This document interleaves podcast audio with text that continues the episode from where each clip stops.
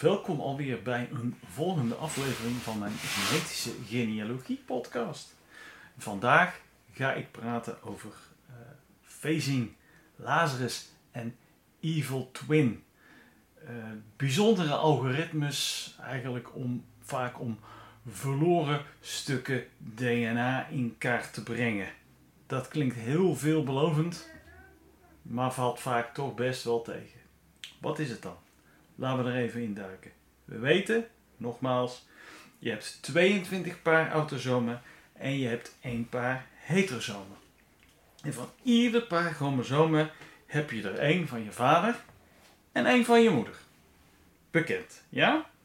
Dus laten we eens gaan kijken naar zo'n paar chromosomen. En laten ze een naam geven. Mijn vaders achternaam was Mols en mijn moeders achternaam Bolij. Dus ik noem één chromosoom Mols en het andere chromosoom Bolij. Correct? Mogelijk. Maar dat hoeft niet. Waren het niet zo dat mijn ouders beide ook twee ouders hadden? Ja.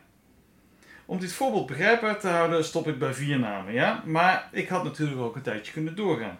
Voor mijn vader Mols Lijs en voor mijn moeder Bolij Baaiens.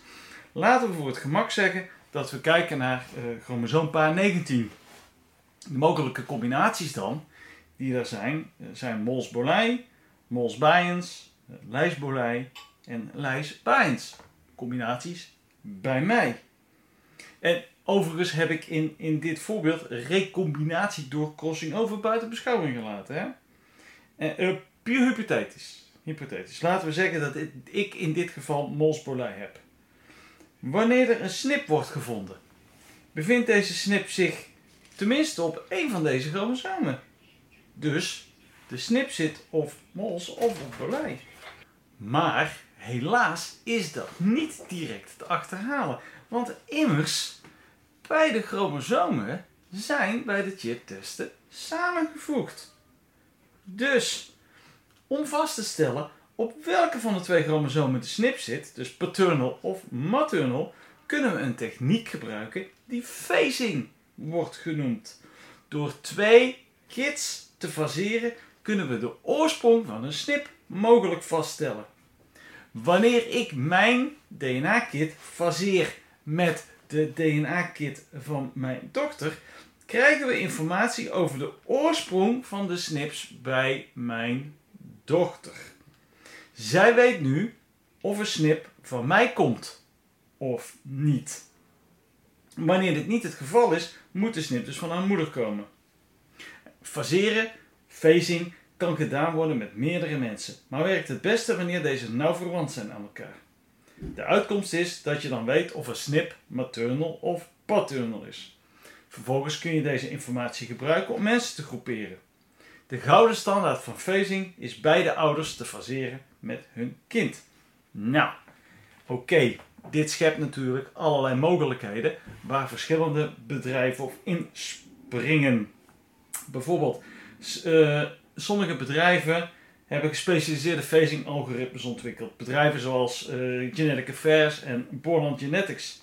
Bij GetMatch kun je in de betaalde sectie gebruik maken van het Lazarus en Evil Twin algoritme. Dat klinkt al heel spannend. Uh, referenties naar de Bijbel natuurlijk. Uh, het Lazarus algoritme gebruikt DNA-monsters van broers, zussen en een ouder om het DNA van de ontbrekende ouder te recreëren.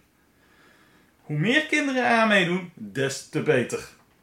Overigens is de kans niet heel groot dat je het volledige chiptestresultaat van de ontbrekende ouder kunt uh, herstellen.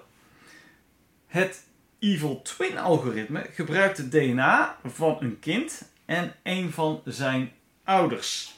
Het algoritme geeft vervolgens als resultaat twee kids terug. Nou, feitelijk, feitelijk wordt gewoon het DNA van het kind gesplitst. in een deel wat van de vader komt en een deel wat van de moeder komt. En die resultaten kun je dan uh, vervolgens weer gebruiken in vervolgonderzoek. Houd daarbij wel in gedachten dat deze kits niet compleet zijn. Maar faseren biedt zeker een heleboel onderzoeksopties die je kunt inzetten. En eigenlijk is het jammer dat het nodig is. Hè? Het is jammer dat uh, ons, ons DNA niet gelijk al gesplitst wordt in een vaderkant en een moederkant. En waarom doen we dat eigenlijk niet?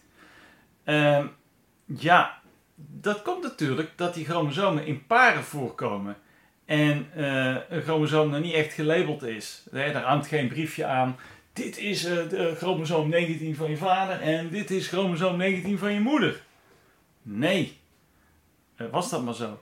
En dus al het DNA is in dat monster op een, op een hoopje gekomen. En dan, dan, dan, ja, dan wordt het gewoon samengevoegd als het ware. En hoe, hoe ga je dat splitsen later? Ja, dat kun je alleen maar doen door te vergelijken met andere mensen die van dezelfde voorouders afstammen.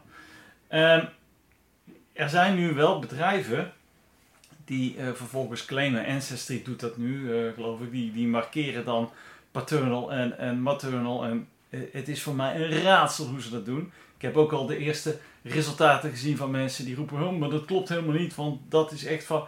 En daar geloof ik ook. Ik geloof ook niet dat dat kan. Ik denk dat ze dat doen door een koppeling te maken met de fysieke stambomen. En als je dan uh, DNA-matches hebt met andere mensen. En je hebt ook een match uh, met, de, met de stamboom die is ingevoerd. Dan kun je natuurlijk dat gebruiken om te relateren. Of bepaalde snips. En dus ook of bepaalde matches aan je vaders of je moeders kant zitten. Dat is het enige wat ik daarbij kan verzinnen. Verder is het natuurlijk een hele interessante ontwikkeling. Dus, ik denk dat ik voldoende verteld heb over deze bijzondere algoritmes die je ook kan inzetten. En eh, ik zou zeggen, tot een volgende keer. De muziek is gemaakt door Airtone en is vrijgegeven via een Creative Commons licentie.